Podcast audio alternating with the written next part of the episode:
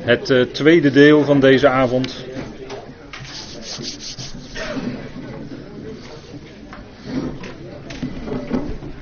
En we waren bezig met elkaar met het uh, brandofferaltaar.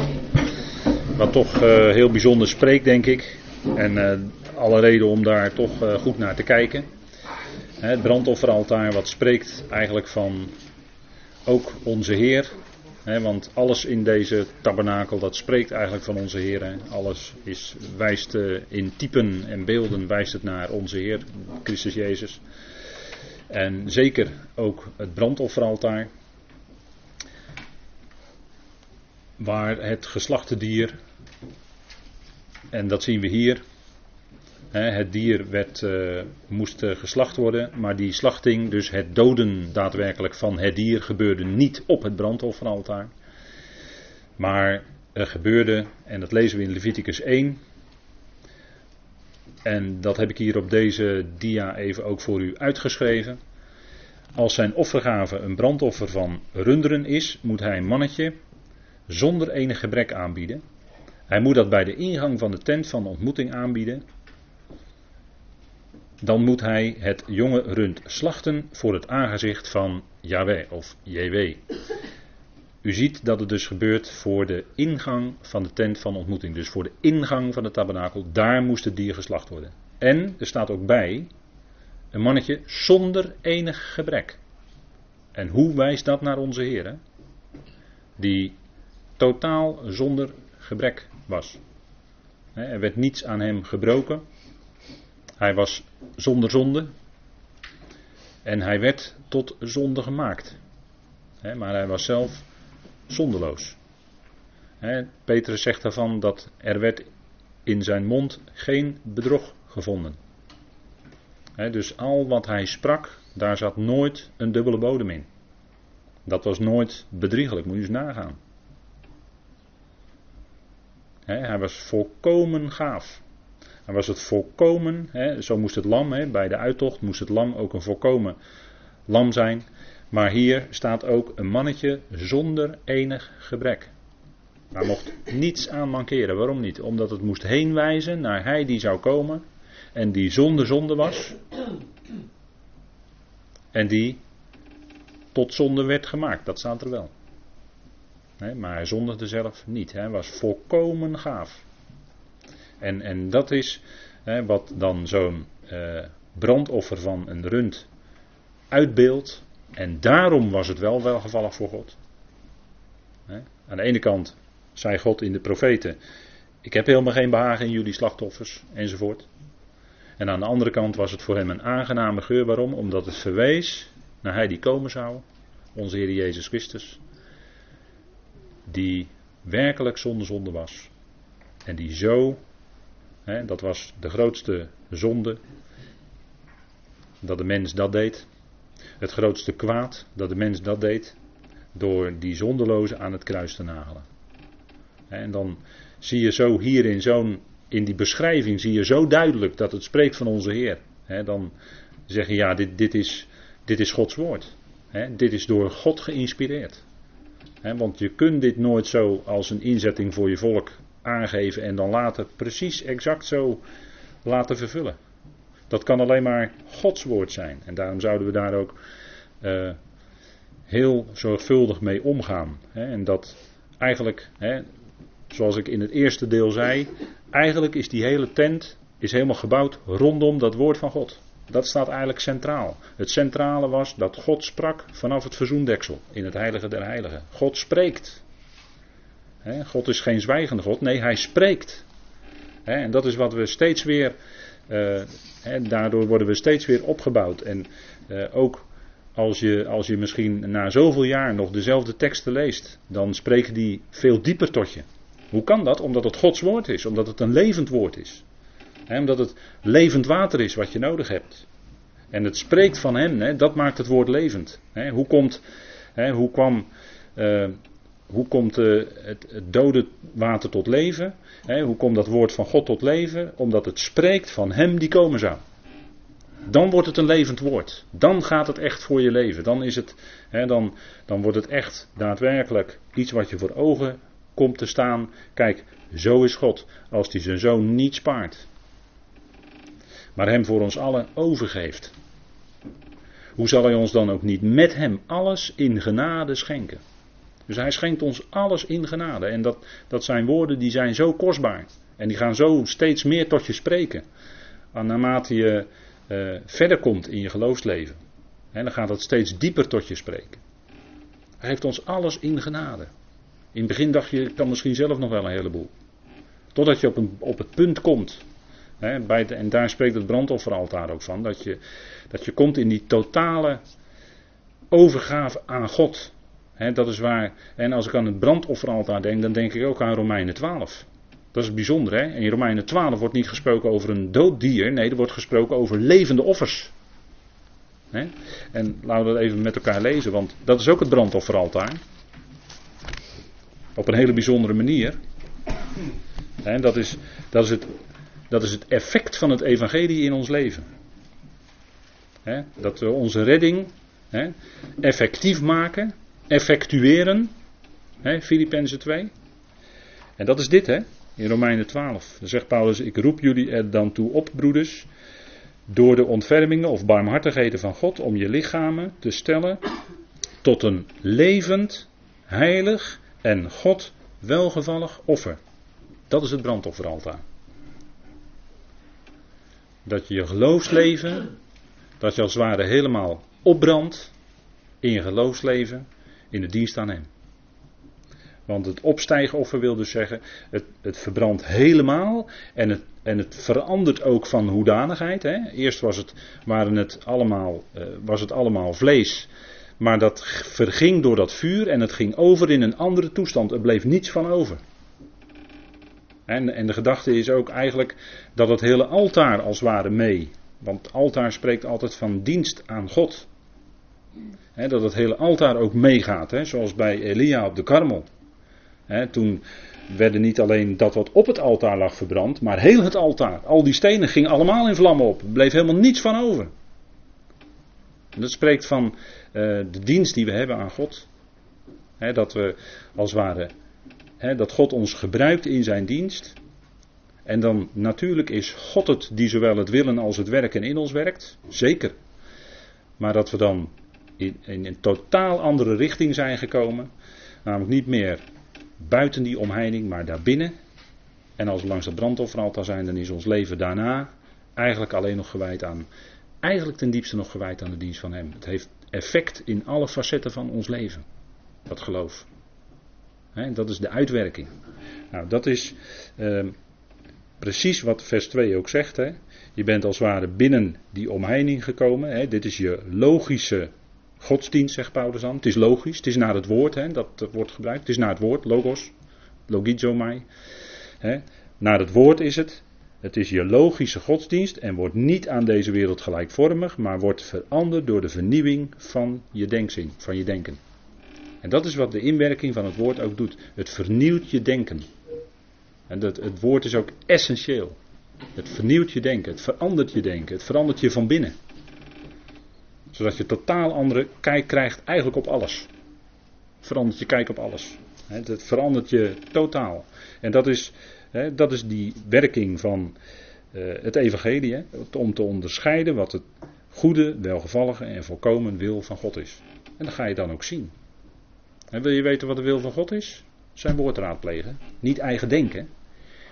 niet met iedereen erover gaan praten wat zou nou de wil van God zijn. Nee, horen naar het woord. Het woord geeft antwoord. Daarin staat de wil van God.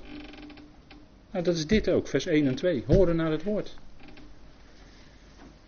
dat, is, dat, is, dat, is dat is waar het om draait.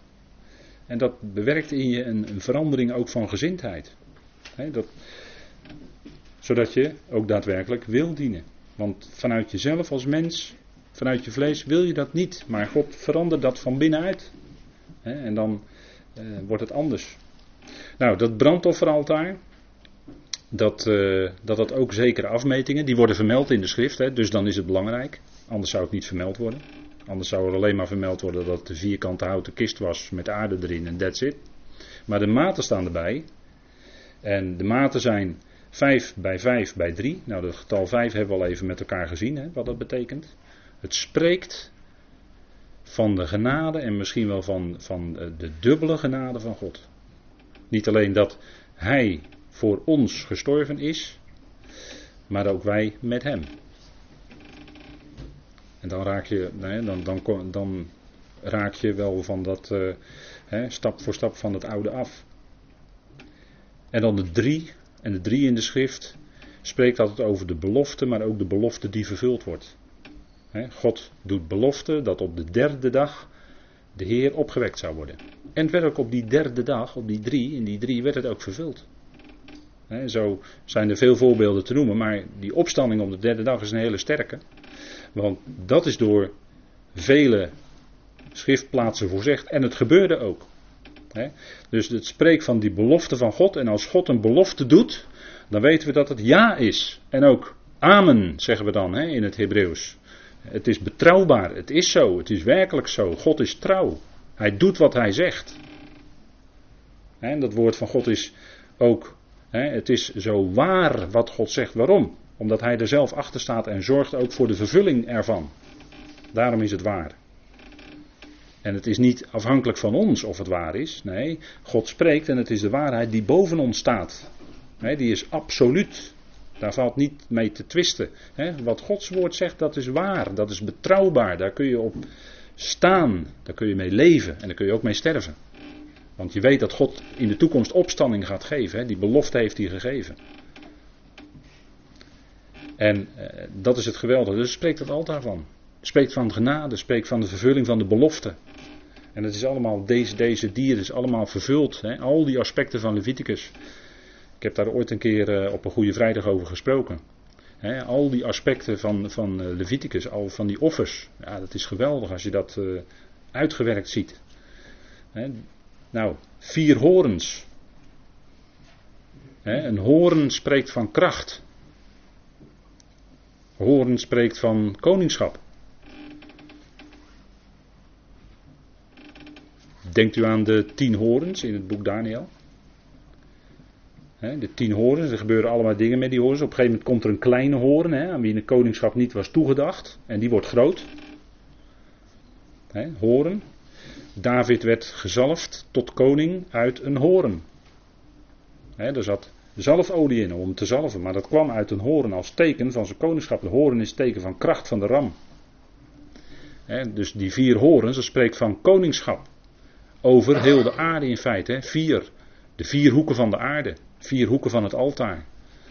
En zegt ook iets over dat, dat offer wat daarop gebracht wordt. Hè? In type, in profetie.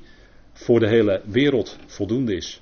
Voor al die mensen op die vier hoeken van de wereld. Hè? En spreekt ook van zijn koningschap over heel de aarde. Gebaseerd op zijn lijden en sterven. Maar na lijden komt heerlijkheid. En dat is ook zijn koningschap. En niet alleen over de aarde, we, weten, we mogen zelfs meer weten over de hele schepping. En dan het rooster op deze afbeelding. Uh, dat rooster is altijd een beetje moeilijk als je diverse afbeeldingen naloopt, maar waarschijnlijk is dit uh, wel zo als het geweest kan zijn. dat rooster dan vanaf onderen tot de helft van uh, het altaar. En dan waarschijnlijk zelfs als een soort net eromheen. Hè, want het altaar was niet een rooster erop, zoals wij dan denken, hè, als een soort barbecue. Maar uh, het is van onderaf een soort net om het altaar heen. Want het altaar zelf was van aarde. Hè. Dat staat in, laten we het even lezen met elkaar in Exodus 20. Daar werd dat voorgeschreven. Exodus 20, vers 24. Dan staat dat het altaar van aarde is, dus er lag aarde in en daarop werd dan dat vuur ontstoken. Exodus 20, vers 24. U moet voor mij een altaar van aarde maken. En daarop uw brandoffers en uw dankoffers, uw kleinvee en uw rinderen offeren. Op elke plaats waar ik mijn naam zal laten gedenken, zal ik naar u toekomen en u zegenen. Maar als u voor mij een stenen altaar maakt, mag u dit niet bouwen van gehouwen stenen, want als u met uw houweel bewerkt, ontheiligt u ze. En u mag niet langs trappen naar mijn altaar klimmen, opdat uw naaktheid daarop niet zichtbaar wordt. En de gedachte is eigenlijk, hier wordt natuurlijk een reden gegeven, maar de gedachte is eigenlijk dat de betreffende priester zich niet zou verheffen boven de anderen, maar dat hij op de grond zou blijven en als zodanig um, het offer zou brengen. En mocht niet gebouwd worden van gehouden stenen, het moesten volkomen stenen zijn, hè, waar dus geen mensenhanden iets hadden gedaan, maar eigenlijk door de natuur zelf eh, tot stand gekomen. En zo mochten ze alleen gebruikt worden. En dat zal waarschijnlijk later, ik refereerde al eerder aan Elia, die zal dat op die manier gedaan hebben. Maar dat weet ik even niet op dit moment uh, direct.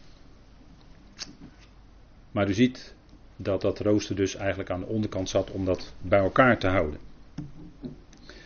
Dan brandofferaltaar was bedoeld voor brandoffers, letterlijk opstijgoffers. dat zegt het woord eigenlijk. wij zeggen altijd brandoffer omdat het, de offerdieren verbrand werden. Maar eigenlijk is het woord opstijgen. Het was een opstijgen naar God.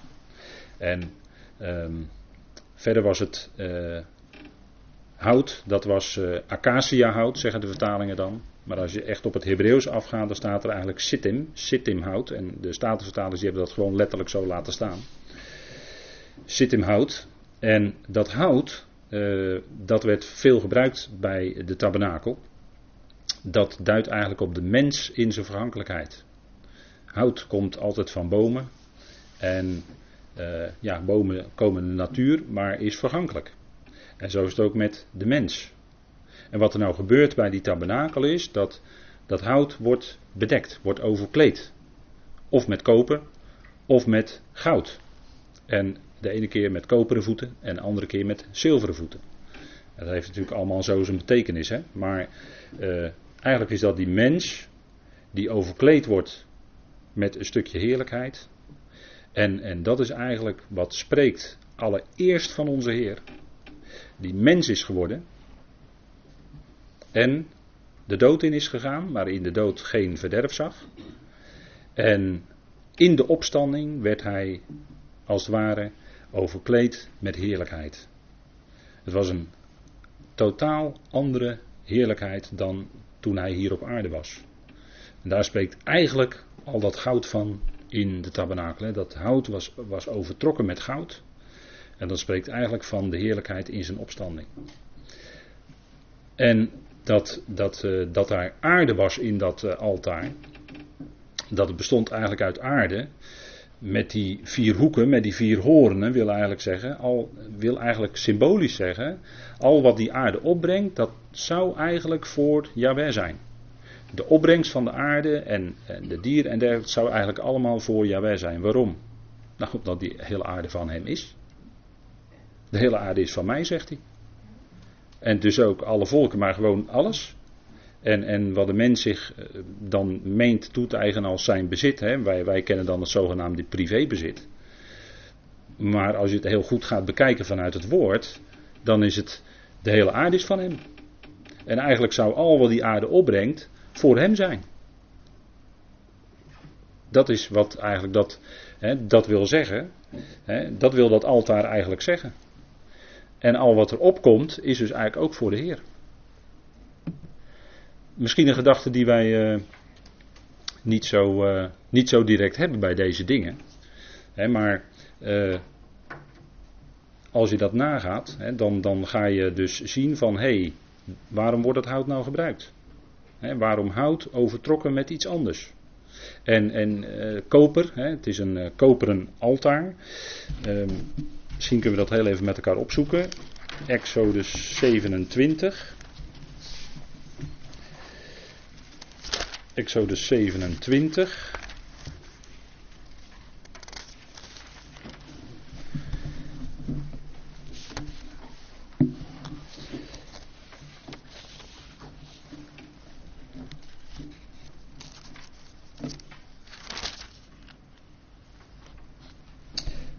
En dan vanaf vers 1, daar staat: U moet ook het altaar van acaciahout maken.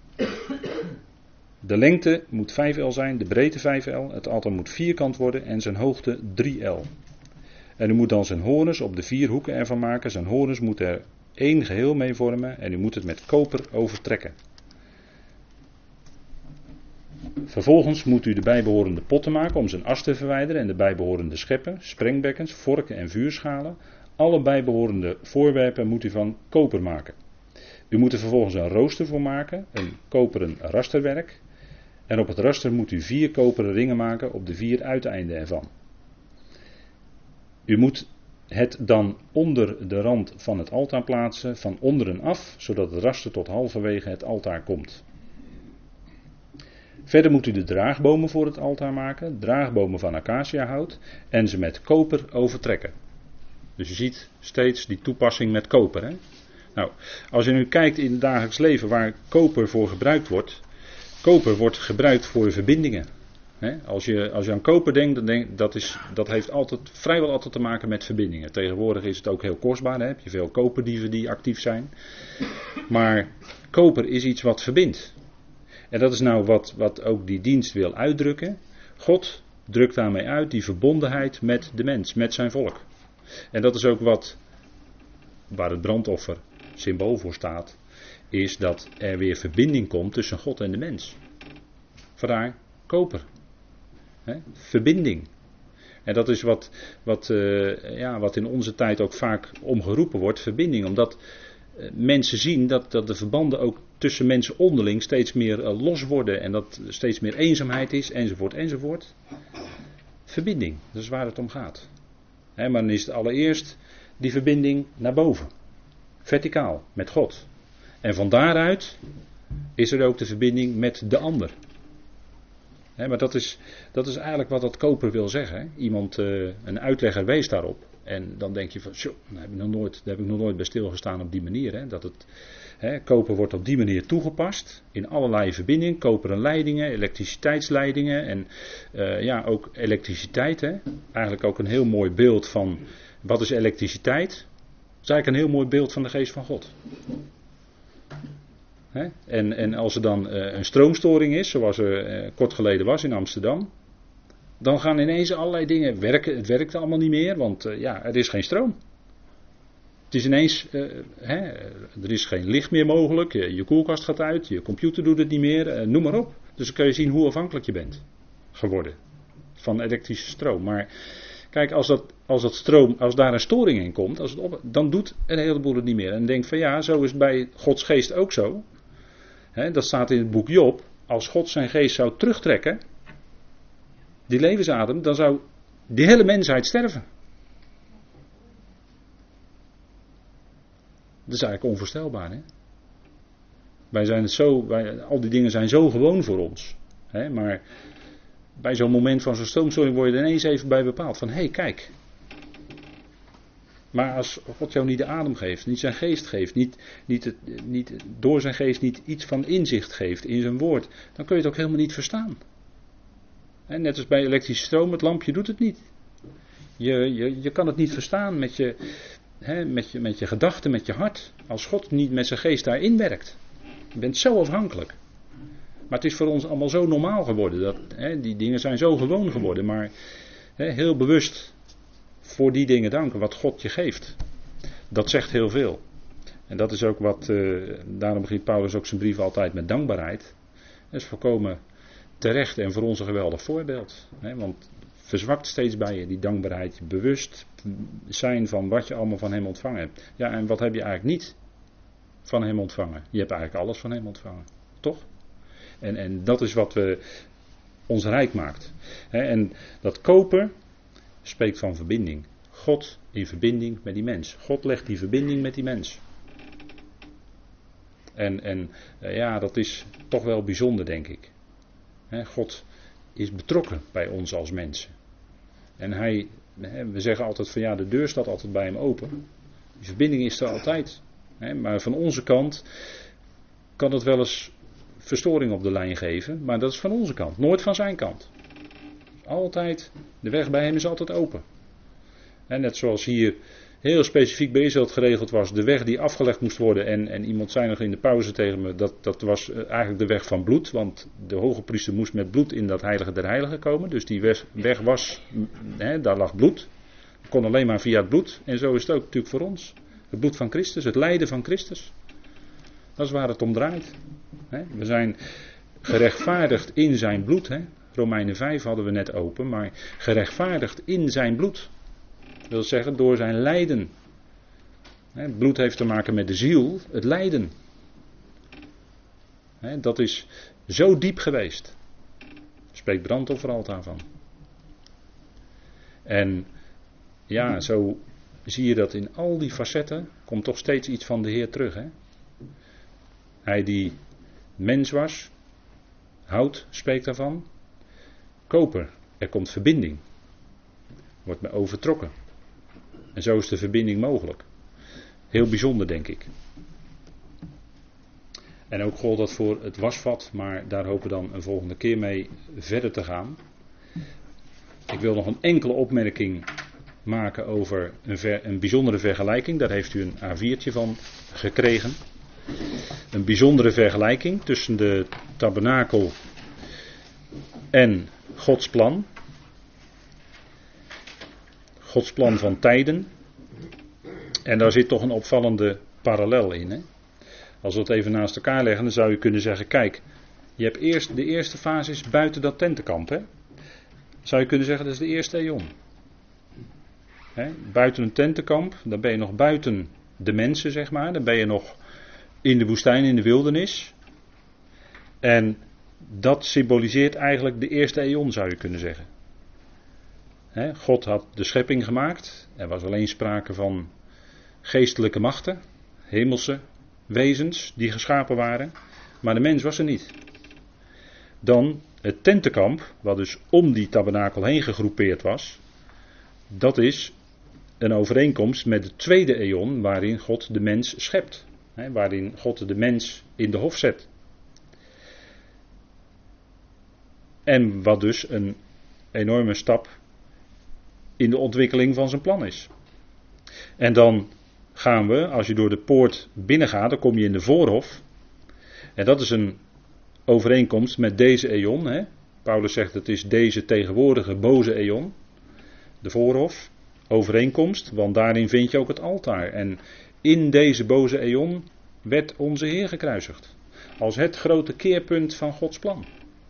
En hij werd ook opgewekt uit de dood.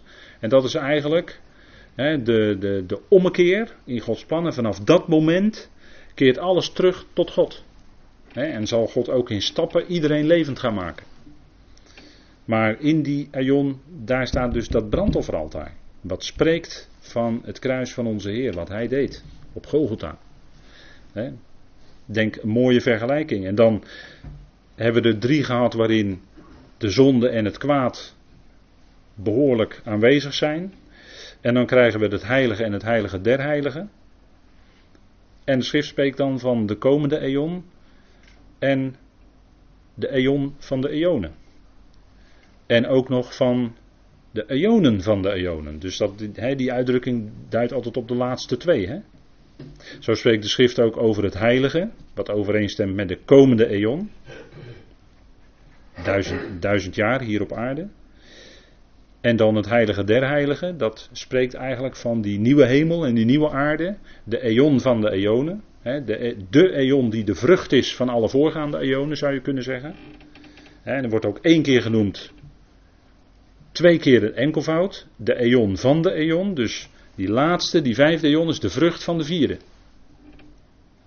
En daarin is er eigenlijk ook sprake van een toenemende heerlijkheid, zoals je in de tabernakel kwam dan was daar licht en kwam je dichter bij de heerlijkheid van JW. En in het heilige der heiligen, daar heb je de heerlijkheid. En dat zal in die laatste eon ook steeds meer gaan toenemen. Hè? De heerlijkheid van God, die zich gaat manifesteren in heel de schepping. Hè, dan, dan is er zelfs geen uh, licht van zon of maan meer nodig, maar dan zal de Heer zelf verlichten. Dat, zo staat dat in openbaring. Hij zal zelf uh, zij zei niet alleen ik ben het licht van de wereld, maar dat, dat is natuurlijk in geestelijk opzicht. Maar dan zal het ook zelf zijn in de schepping.